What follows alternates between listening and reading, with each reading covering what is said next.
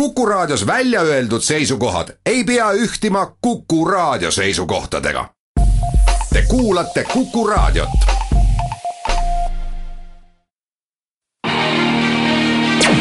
äripäev eetris. tere kuulama saadet Äripäev eetris, täna Kuku raadio stuudios Äripäeva ajakirjanikud Pirjo Must, Harri Tuul ja Aivar Hundimägi ja räägime täna eile avalikuks saanud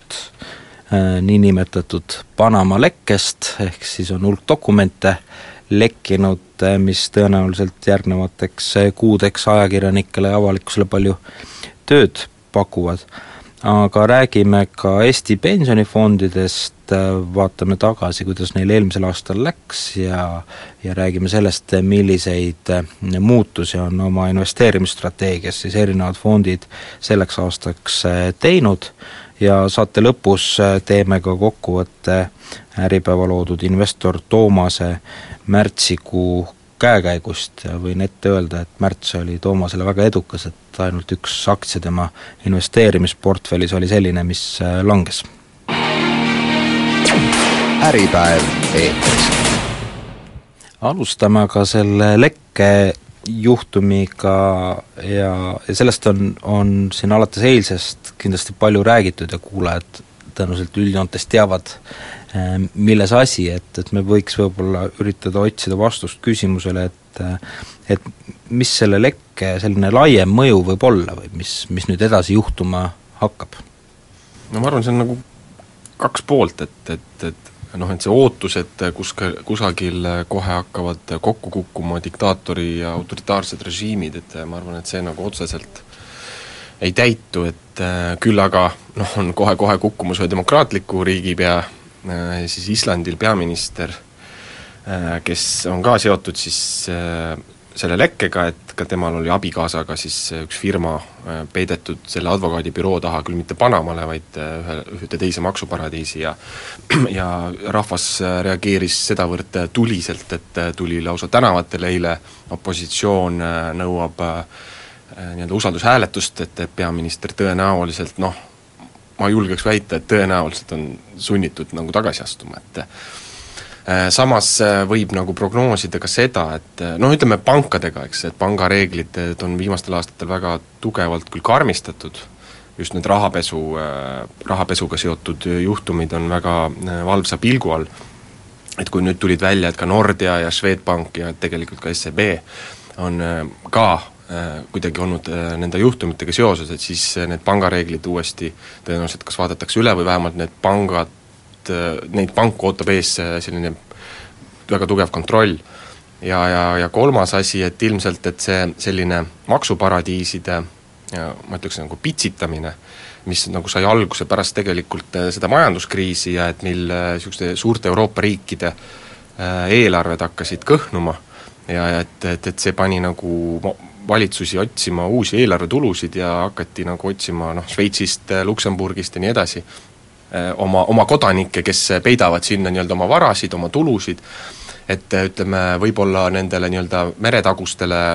soojades riikides paiknevatele maksuparadiisidel nagu Panama ja Seychellid ja, ja mis need Briti Neitsi saared ja ja mis need kõik on, et võib-olla nendele on seni vähem pööratud tähelepanu, et kindlasti nad satuvad teatud mõttes surve all, et, et Panama valitsus oli sunnitud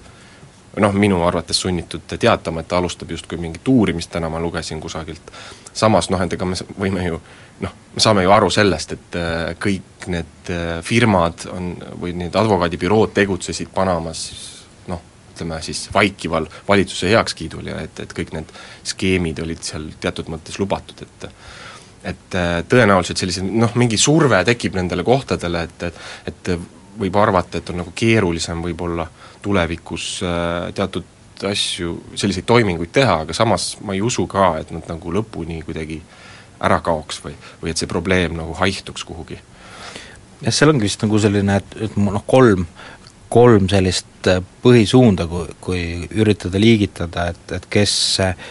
kes praegu nende dokument lekete tõttu löögi all on, et, et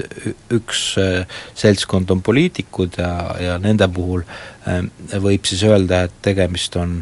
on eeskätt korruptsiooniga, et nad on varjanud mingeid osalusi, mingeid rahasid avalikkuse eest ja, ja tõenäoliselt seal me näeme seda mõju kõige kiiremini, et autoritaarsed riigid, seal võib-olla ei juhtu midagi kohe, aga demokraatlikud riigid, et seal võivad, võivad poliitikute karjäärid saada lõpu ja ja, ja toimuda sellised äh, valitsusvahetused, et, et Eesti, kui Eestit see oleks puudutanud, siis meie oleme sellised tõenäoliselt vahepealsed, et, et meie senine kogemus on näidanud, et selliseid äh, varjamisi, erinevaid äh, Šveitsi pangakontode kasutamisi, et need meie poliitikute karjäärile pole kuigi kehvasti äh, mõjunud. Jah, täpselt, et noh, ütleme ega ega seal otseselt noh, ütleme, kui me toome paralleeliks selle Islandi juhtumi, et või ütleme, Islandi peaministri juhtumiga, seal otseselt ei ole näidatud, et see oleks ebaseaduslik, küll aga ta nagu peitis neid varasid ajal, kui ta oli äh, riigi äh,, siis kohaliku Riigikogu ehk parlamendi liige, et see ajas mm, noh, selle rahva niivõrd marru, et äh, nad tulid äh, Raekoja äh, keset, noh ühesõnaga keset Reykjaviki, Islandi pealinna, avaldasid meelt, et, et kui meil siin kolm aastat tagasi tuli välja, et äh, Tallinna linnapeal Edgar Savisaarel on Šveitsis üks salakonto, et et raegu ette keegi piketeerima, ütleme, ei läinud, et, et võtame nüüd linnapea maha, et, et samamoodi, et see salakonto ega noh, iseenesest ei ole ju keelatud jah, et tege-, tegelikult äh, Edgar Savisaare nimi jookseb läbi ka nii-öelda Panama võtmes, et, et üks Panama offshore firma on olnud Edgar Savisaarega nii-öelda äritehingutes omal ajal, ta on saanud sealt suure summa laenu, mille ta küll kiiresti pärast tagasi maksis ja, ja sellest alates on, on ka saanud avalikuks see üüratu honorar tema kirjutatud raamatute eest, mis tundub olevat selline põhjendus, et et tagantjärgi mingeid summasid näidata äh, viisakatena. ja, ja võib-olla ka teine poliitik, kes, kes või teine seltskond, kes on oma ammustel aegadel Panamaga olnud seotud, on Andrus Ansip ja Neinar, see oli duo, kes siis Tartus äh, üheksakümnendatel ilma tegi ja, ja seal üheksakümnendate alguses koos, koos äri ajas, et et ka nendest tehingutest on, on üks Panama offshore äh, läbi jooksnud, et aga kas, kas ka praeguse lekke puhul on, on mingeid seoseid Eestiga, et et seda me täpselt äh,, täpselt veel ei tea. aga teeme siit praegu reklaamipausi ja siis jätkame samal teemal. äripäev eetris. Jätkame saatega, Äripäev eetris, Kuku raadio stuudios. Äripäeva ajakirjanikud Pirjo Must, Harri Tuul ja Aivar Hundimägi. Ja räägime edasi Panama dokumentide lekkest, äh, kui me siin saate alguse poole ütlesime, et on kolm gruppi, äh, keda see leke võib mõjutada, saab teha sellist kolm grupeeringut ja, ja üks on poliitikud, kellest me rääkisime, siis siis teine on kindlasti ettevõtjad äh, ja nende puhul tõenäoliselt see mõju noh, mõju, selle skandaali mõju ongi raske ette aimata, et, et sõltub, kes need ettevõtjad on, sõltub mis eesmärkidel on nad eh, neid offshore firmade teenuseid eh, kasutanud. ja, ja kolmas grupp on, on kurjategijad või, või siis kuritegelik maailm ja, ja tõenäoliselt eh, noh, ma kujutan ette, et paljud sellised politsei- või julgeolekuasutused on, on ka kindlasti suure huviga neid dokumente vaatamas ja ja tõenäoliselt võib-olla avalikkus noh, ütleme seda mõju ei näe, mis, mis selle info tõttu edasi tehakse, aga, aga tõenäoliselt on see mõju äh, positiivne. Jah, et noh, ütleme ettevõtjate puhul võib ka rääkida ju mitmest põhjusest, miks nad äh, seal võivad tegutseda, et üks on kah kas var-, lihtsalt varjata midagi, võib-olla ka maks, maksudest kõrvale hoida. samas kõik need põhjused võivad ka pakkuda huvi maksu, noh kas mõne riigi kohalikule maksuametile, et noh, et ühe esimesena teatas, et hakkab uurima seda asja, ma mäletan, Austraalia maksuamet, et Eesti maksuamet on öelnud, et Eesti maksuamet andis teada, et eest-, eestlased, kes on selliseid skeeme kasutanud, võiks ennast üles anda. et aga, et kui nad saavad mõne nime, et siis nad ka uurivad samamoodi, et et äh, selles mõttes see võib kindlasti puudutada, et äh, samas noh, kellel see maine küsimus võib-olla nii oluline ei ole, et äh, noh, siis noh, võibki olla nii, et, et, et ei ole mingisugust mõju, et samas noh jah, täpselt, et kurjategijatega on mõnes mõttes noh, ma ei taha mingeid paralleele tuua, aga natukene nagu sarnane, et, et mingid skeemid saavad nagu äh, kas politseile või või, või, või siis Kaitsepolitseile või ka Maksuametile saavad teatavaks, et nende järgi nagu on võib-olla lihtsam edasi minna ja kui see on dokumenteeritud, siis ka noh, ei ole lihtsalt teadmine, et ta on teinud, sooritanud mingi kurja, kuriteo, vaid on, seda saab ka kohtus dokumentidele toetudes kuidagi näidata. ma küll ei tea, kas ja kuidas on võimalik neid dokumente siis sellelt uurivate ajakirjanike ühenduselt välja nõuda jah, ma arvan, ka-, kahtlustan, et, et see ei ole väga lihtne, see noh, nad ei pea ka andma, aga, aga see info, mis on oluline, kindlasti ajakirjanike poolt avaldatakse ja, ja seeläbi saavad, saavad ütleme siis, erinevad uurimisasutused targemaks ja infot juurde, et et see on selle lekke selline ka kindlasti nagu positiivne pool, et ja, ja seal võib ka tekkida selline sümbioos, et noh, me lahterdasime praegu need kolm, grupid kolmeks, aga aga pahatihti on nende vahel olemas väga selged seosed, et, et on olemas korrumpeerunud poliitik just tänu sellele, et teisel pool on on ettevõtja, kes siis sellest korruptsioon, korruptsioonist kasu saab ja ja, ja pahatihti on ikkagi see kõik seotud ka vähem või rohkem Äh, allilmaga ja, ja kuritegeliku maailmaga, et, et see, need asjad on nagu väga tihedalt seotud ja neid, neid sidemeid ongi üritatud offshore-firmade abil peita ja, ja varjata ja nüüd vähemalt ühes kohas tänu sellele infolekkele tõenäoliselt äh, mitmed sellised äh, varjatud huvid ja sidemed tulevad avalikuks. aga selle, eile on uudistest ka läbi käinud tegelikult hämmastavad numbrid Eesti kohta, et et see leke puudutab või et sellega on seotud nende dokumentidega kaheksasada siis ettevõtet, mis on omakorda seotud Eestiga ja ja, ja seitse eh, klienti ja, kakskümmend kaks kasusaajat ja kaheksakümmend omanikku, et, et need on noh, ikkagi üüratult suured numbrid Eesti kohta ja ja mulle endale tundub, et siin võib olla mingi selline noh, info, infomüra või et, et, et tõenäoliselt tegelikult äh, see leke niivõrd palju Eestit, Eestit otseselt ei puuduta? jah, ma, ma, mul on endal ka selline tunne, et, et need seosed on kas siis noh, võivad olla ka nagu nii-öelda kaudsed, et et noh, näiteks mis on pakutud välja, et noh, näiteks mingit finantsvahendusteenust või mingit teenust on pakutud läbi Eesti ja sel juhul on nagu tekkinud seos Eestiga, noh näituseks. teine variant, noh, mis on nagu väga levinud, on Eestis, et noh, näiteks juhul, kui soovitakse mingi firma nii-öelda äh, noh, ära matta või otsad vette peita, et siis ta mingi hetk läheb üle mingisugusele maksuparadiisi, sealhulgas Panamasse peidetud siis eh, firmale, et siis on väga raske nendele oma noh, nii-öelda järgmistele omanikele eh, jälile jõuda, et nendelt vara või, või no võlad sisse nõuda, et et ma pigem noh, pakun, et need, need, need kaks või ütleme, selline vahendamine läbi Eesti või siis ütleme, selline nii-öelda tankistiteenus, mis on need on need kaks põhjust, miks see Eestile nii palju äh, siis neid seoseid võib-olla tekib seal selles, selles äh, läbi selle advokaadibüroo. jah, kui kui oli eelmine äh, suurem leke LuxLeaks, siis, siis oli ka noh, viidati, et Eestiga on seotud hulk, hulk isikuid või keda see leke puudutab, aga toona ikkagi need lõpuks olid mõned üksikud, kelle noh, dokumendid lekkisid ja nendest ka mitmed ei olnud tegelikult Eesti ettevõtjad, vaid nad olid eh, kas siis Eesti kaudu äri ajanud eh, skandinaavlased või, või venelased. Ja ma, ma ise kipun arvama, et et selle suure äh, numbri taga, mis siin on väidetud, et mis nagu Eestiga on seotud, et selle taga võib ka olla see, et et tegelikult on, on võib-olla arvestatud hulk Vene kas siis ametnikke või ettevõtjaid, kes on, on lihtsalt kasutanud Eesti pankasid. äh, oma noh, äri ühe, ühe lülina, et siin hiljuti puhkes või sai avalikuks Danske ümber toimuv, äh, kus siis Taani finantsjärelevalve avastas, et, et Danske Eesti filiaalis ei ole järgitud kõiki rahapesu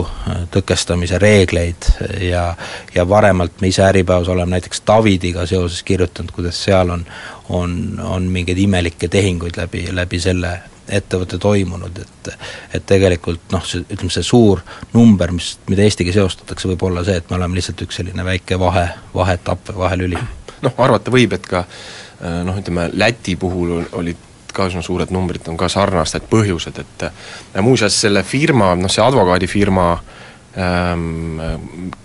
Panamas asuva advokaadifirma, kelle materjalid siis lekkisid, et selle kontor asus ka meile üsna lähedal Riias. Et veel eelmise aasta detsembris sai seal firmasid vormistada,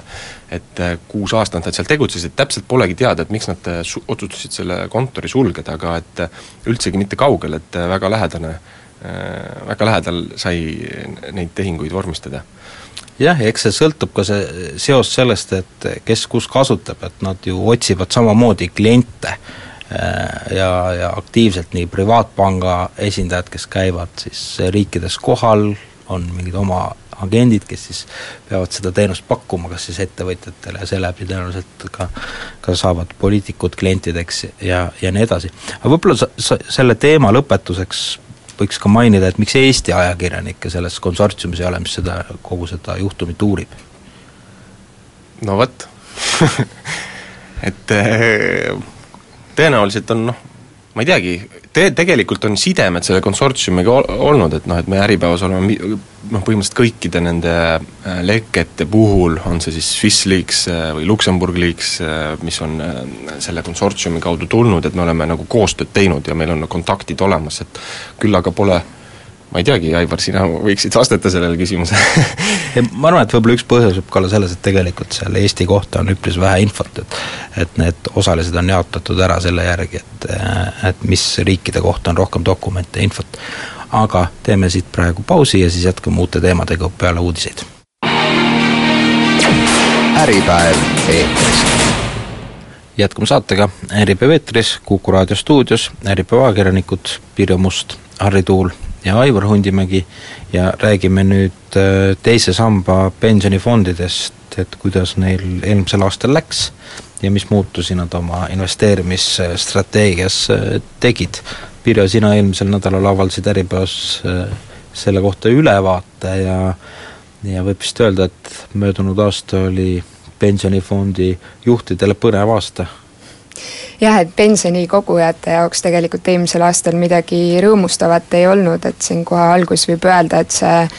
pensionifondide üldindeks EPI, mis näitab siis kõikide nende äh, fondide keskmist tootlust, et see kasvas ainult äh, kaks koma viis protsenti ja tegelikult see on ikka küllaltki vähe. no see vähe on ka suhteline, paneme inflatsiooni kõrvale, et siis on jah, seda räägivad ka fondijuhid et selles suhtes, et,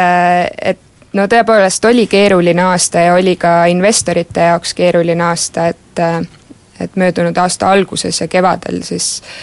ütleme, eriti just Euroopa Keskpanga stiimulite toel aktsiad tõusid väga-väga kiiresti ja see muidugi meelitas ka fondijuhte aktsiatesse investeerima. ja noh, esimestel kuudel kevadel ja, ja kuni suve keskpaigani ka fondide tootlused ilusti kasvasid, aga nüüd, kui toimus see aug-, augustikuine börsikrahh, mis siis Hiina majanduse jahenemise mm, tõttu tekkis, et siis, siis tegelikult kukkus ikka need tootlused kolinal põhja tagasi. ja põhimõtteliselt kogu see teenitud raha nii-öelda siis äh, liikus nulli või, või siis mõnel juhul ka negatiivseks Äh, jah, et, äh, et kui vaadata neid nüüd konkreetseid fonde, et, et sina oma ülevaatesse võtsid äh, kõige populaarsemad teise samba pensionifondid, kuhu siis on hoiustanud oma säästud seitsekümmend protsenti pensionikogujatest? jah, need on need fondid, mis siis võivad investeerida kuni viiskümmend protsenti oma varadest aktsiatesse ja eelmisel aastal nüüd kõikide äh, nende pensionifondide juhid üldjuhul ka kasutasid seda võimalust ära. et ainus erand oli siis LHV, kes, kes hoidis juba pikemat aega tagasihoidlikumat joont ja aktsiatesse väga ei kippunud. ja, ja LHV oli ka, kas võib öelda, et tänu sellele äh, parim fond eelmisel aastal? kokkuvõttes jah, see LHV pensionifond L äh, nendest võrreldud äh, progressiivsetest fondidest oli, oli tõesti kõige parema tootlusega et äh, nagu ma siin loos ise mainisin ka, siis mulle tundub, et, äh, et kuigi jah, neid pensionifondi tootlust peaks vaatama nüüd äh, väga pikas perspektiivis, kas siis noh, kolm, viis või kümme aastat, aga minu meelest eelmine aasta andis üsna hea pildi ette ka sellest, et kui hästi need juhid suutsid nendel tormilistel turgudel toime tulla. et kui augustis see suur kukkumine toimus, et kes olid siis pannud raha arenevatele turgudele, mis aasta alguses ilusti kasvasid, või siis toorainetesse, et kui hästi sealt välja liiguti ja ja mida ja kuidas vähegi suudeti veel seda raha säästa et LHV jäi aasta alguses nüüd kõikidest teistest konkurentidest äh, üsna palju maha. aga, aga pärast siis seda augustikuist krahhi nad muutsid, äh, ütleme nii, et nad liikusid nagu vastassuunaliselt öö, äh, oma strateegiaga, et hakkasid ka siis nii-öelda põhjast aktsiaid kokku ostma, et tänu sellele nad lõpetasid ka aasta küllaltki ilusa tootlusega, et siin viis koma neli protsenti kasvas raha. Ja, ja LHV puhul võib öelda, et need, kes praegu on, on selle fondi kliendid, et siis see fond paigutab rohkem just aktsiafondidesse raha, on vähendanud äh, hoiuste osakaalu märgatavalt eelmisel aastal ja, ja investeeris eelmisel aastal ka päris äh, jõudsalt kinnisvarasse mm. -hmm. Et äh, see fondijuht Andres Viisemann ka rõhutas, et tema nagu otsib siis ikka sobivat hetke seda hoiusele kogutud raha kasvama panna ja, ja kui see põhi on saabunud hindadel, siis, siis see on kõige parem aeg.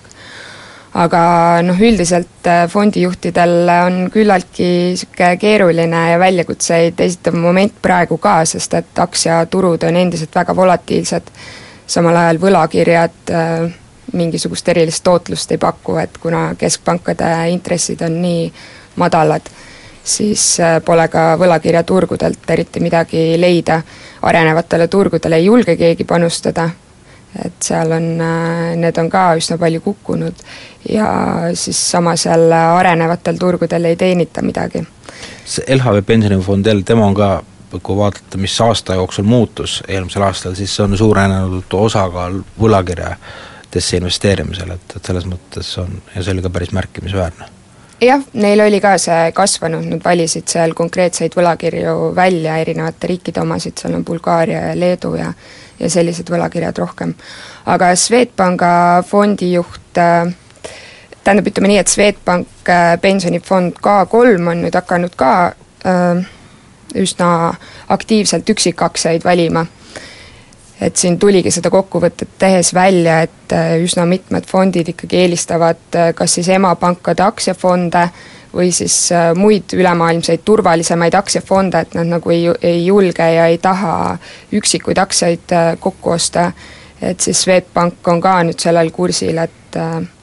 et ikkagi neid aktsiaid ostavad ja aktsiate osakaal on vahepeal suurenenud, kuigi jah, nüüd viimasel ajal jällegi vähenenud erinevalt LHV-st on näiteks Swedbank suurendanud hoiuste osakaalu ja,. jah, jah, seda küll, Swedbank ja SEB samamoodi. Äh, Nordea nüüd ei soovi,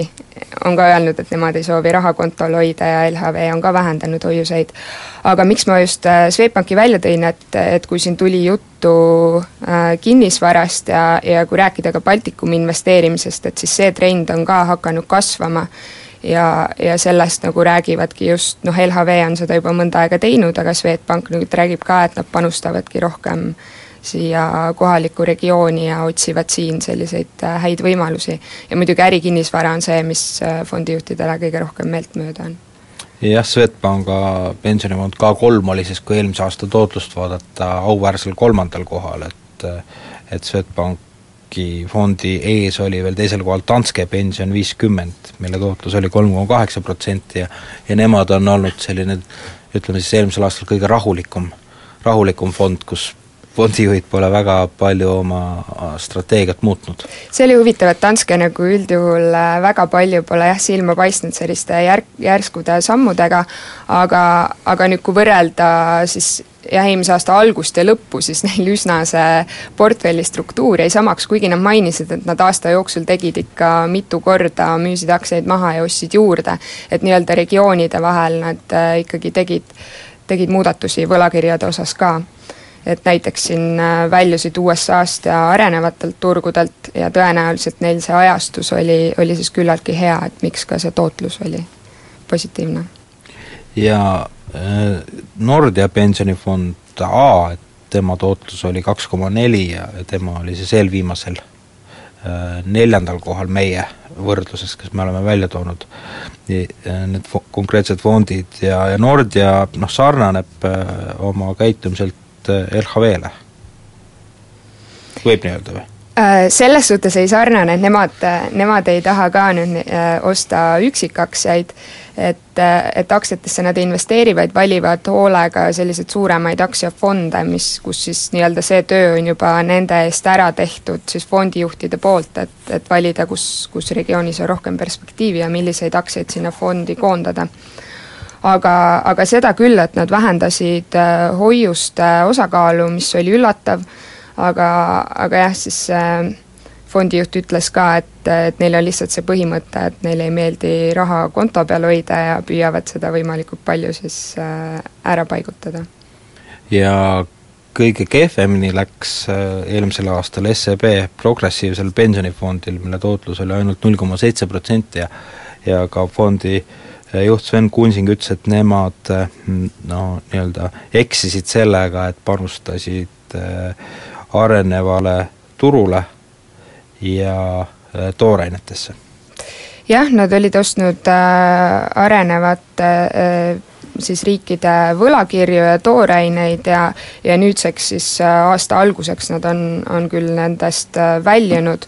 aga tõenäoliselt siis jäädi sellega veidi hiljaks. et need olid ka need siis, mis noh, ütleme arenevate turgude võlakirjad, mis aasta alguses olid, eelmise aasta alguses olid positiivsemad ja, ja nüüd äh, selle aasta kevadel on nad sarnaselt Swedbankiga küllaltki äh, nii-öelda ettevaatlikud.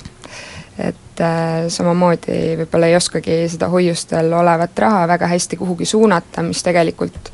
on ka mõneti õigustatud, et aktsiaturud kõiguvad väga palju ja, ja raske on seda head tootlust leida. Jah, ja see võib mõnikord äh, väga ära tasuda, et kui me siin hakkame pärast reklaami rääkima investor Toomasest, siis üks periood investor Toomase ajaloos oli ka selline, kus ärevatel aegadel hoidis ta suurt osa oma investeeringutest lihtsalt pangakontos rahas ja ja oli tänu sellele väga edukas võrreldes äh, näiteks nendesamade pensionifondidega, mis, mis samamoodi toona ei käitunud.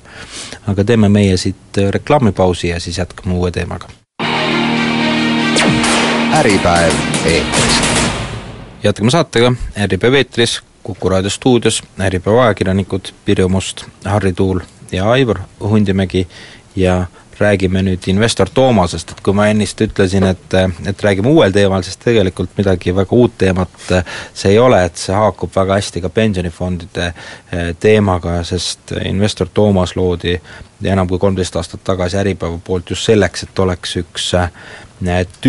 tüüp investeerija pensionifondide kõrvale, kes ka investeerib pikaajaliselt eesmärgiga koguda raha pensionipõlveks ja, ja võib küll öelda, et Toomas, kes erinevalt pensionifondidest eelistab osta üksikuid aktsiaid, on olnud tootlusi kõrvutades parem investeerija või parema tulemusega kui pensionifondid, et et ka eelmisel aastal tal õnnestus edestada neid samu pensionifonde, kellest me eelnevalt äh, äh, rääkisime. aga kui teeme kokkuvõtte, et äh, kuidas Toomasel läks märtsis, siis võime selle kiidulauluga jätkata, et märtsis oli Toomase portfelli tootlus kolm koma neli protsenti ja ja ainult üks aktsia oli, oli selline aktsiaportfellis, mis märtsis langes, ehk millega siis Toomas sai, sai kahju no see kevade algus siis, kui nii võib öelda, tõesti äh, tekitas Toomasele sellise kergendustunde, nagu ma usun ka paljudele teistele investoritele, sest aasta algas ju üsna inetult ja, ja börsid äh, siin üle maailma kukkusid päris kõvasti, et siis märts oli nüüd selline kuu, mis päästis selle esimese kvartali ka paljude suurte börsiindeksite puhul ja, ja ka Toomase portfelli. ja Toomas märtsis tegi ka ühe uue ostu, äh, investeeris siis äh, odavlennufirmasse Ryanair ja see investeering on ennast igati õigustanud, et, et ühe kuuga on tootlus olnud siis üle kaheksa protsendi ja, ja see on, on märtsikuu sellisest Toomase edetabelist äh, olnud kolmandal kohal, et, et veelgi paremat tootlust näitasid Apple ja Microsoft ja ja Ryanair on selline hea näide, et, et see on ettevõte ja sektor, mida Toomas on siin viimas, viimane aasta kogu aeg jälginud ja piidelnud, aga kuhu ta ei ole varemalt sisenenud just seetõttu, et pidas mm, hinnataset liiga kõrgeks ja, ja arvas, et on aktsiaostuga hiljaks jäänud, kuid äh, Brüsseli terrorirünnak äh, tekitas äh, negatiivse emotsiooni ja tõi alla lennufirmade aktsiaid ning, ning seetõttu Toomas otsustas, et nüüd on sobiv hetk sellesse sektorisse pa-, panustada. Et jah, kuna Toomas on seda nüüd ütleme, ma arvan, et kuskil viimase pooleteist aasta jooksul ikka silmanurgast jälginud just seda Ryanairi aktsiat, et vahepeal kaalunud ka teist odavlennufirmat EasyJeti ja ka ühte Norra väiksemat odavlennufirmat, siis äh, selle Ryanairi aktsia tegi eelmisel aastal ikka väga suure lennu ja, ja tõusis, äh, ma ei julge praegu siin täpset protsenti öelda, aga, aga ikka nii palju, et Toomas arvas, et, et on küllaltki hilja sinna siseneda. Ja ka praeguse ostu puhul märtsikuus, kui see aktsia nüüd äh, järsult ühel päeval kukkus seoses nende Brüsseli rünnakutega, siis Toomas tõi välja ühe, ühe nagu miinusena ka selle, selle kõrge hinna, aga, aga ta arvab, et äh, et kuna ta on nüüdseks juba küllaltki palju tutvunud äh, selle lennundussektoriga ja, ja selle, nende väljavaadetega, et siis see tasub ennast ära ja et sellel tõusuruumi seal jagub jah, et pigem on isegi Toomas seda meelt, et võib-olla osta äh, Ryanairi aktsiat äh, siin noh, lähema aasta jooksul juurde, et, et ta nagu seda ka ei välista. Äh, see aktsia, mis aga ainsana kukkus märtsis Toomase portfellis, oli, oli Volkswageni aktsia ja see on selline spekulatiivne investeering, mille, mille Toomas tegi ka selle sk-, skandaali harjal, mis Volkswagenit rõhub ja ja lootuses, et, et võib-olla Äh, nende uudiste valguses on, on üle reageeritud, aktsia liiga alla müüdud, äh, et selle pealt saab kiirelt võita, aga, aga Volkswagenis see investeering on näide, et sellised ootused pahatihti ei, ei täitu ja tõesti, tegemist oli suure riskiga. Aga tagantjärele võib öelda ka seda, et kui oleks selle otsuse peale kohe ära teinud, et seal septembrikuus, kui päris madalale langes see aktsia, siis sealt äh, nagu tõusuruumi oli küll, et et see aktsia tõusis sealt või tähendab, taastus äh, küllaltki kenasti, arvestades selle skandaali äh, ulatust. aga, aga jah, et nüüd jaanuari alguses äh, võib-olla oli see hetk juba, juba nagu õige hetk maha magatud jah, ja, ja võib-olla siin oli ka Toomase kriitikaks öelda, et et kui selliseid lühiajalisi spekulatsioone teha, siis peaks olema nagu selge, et, et mis on see eesmärk ja kuidas edasi käituda. aga Toomasel seda äh, selgust ei olnud, et ta ostis aktsia ära, aga ei olnud pannud paika, et mis siis nüüd edasi, et millal müüa või millal juurde osta, et ja, ja seetõttu nüüd Toomas mõlgutabki, et et võib-olla aprill on see kuu, kui ta sellest Volkswageni aktsiast loobub, kuna selle osakaal on portfellis nii väike, siis siis see eh, kahjum teda nii-öelda nutma, nutma ei pane.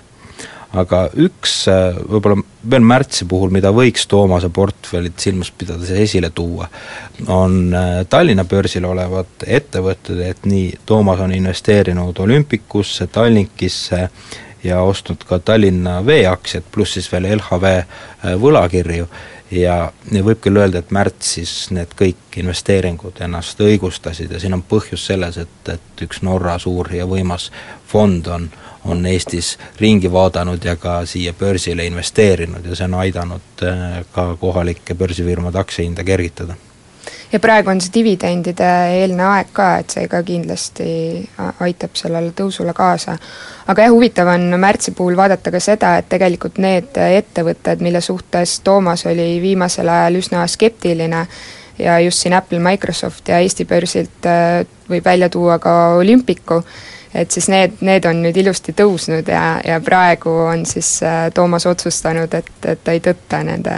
nende müümisega. Jah, ja üks ettevõte veel, mille puhul Toomas arvas, et ta müüb kolmandiku oma positsioonist, oli siis Norra eh, lõhetootja Leroy,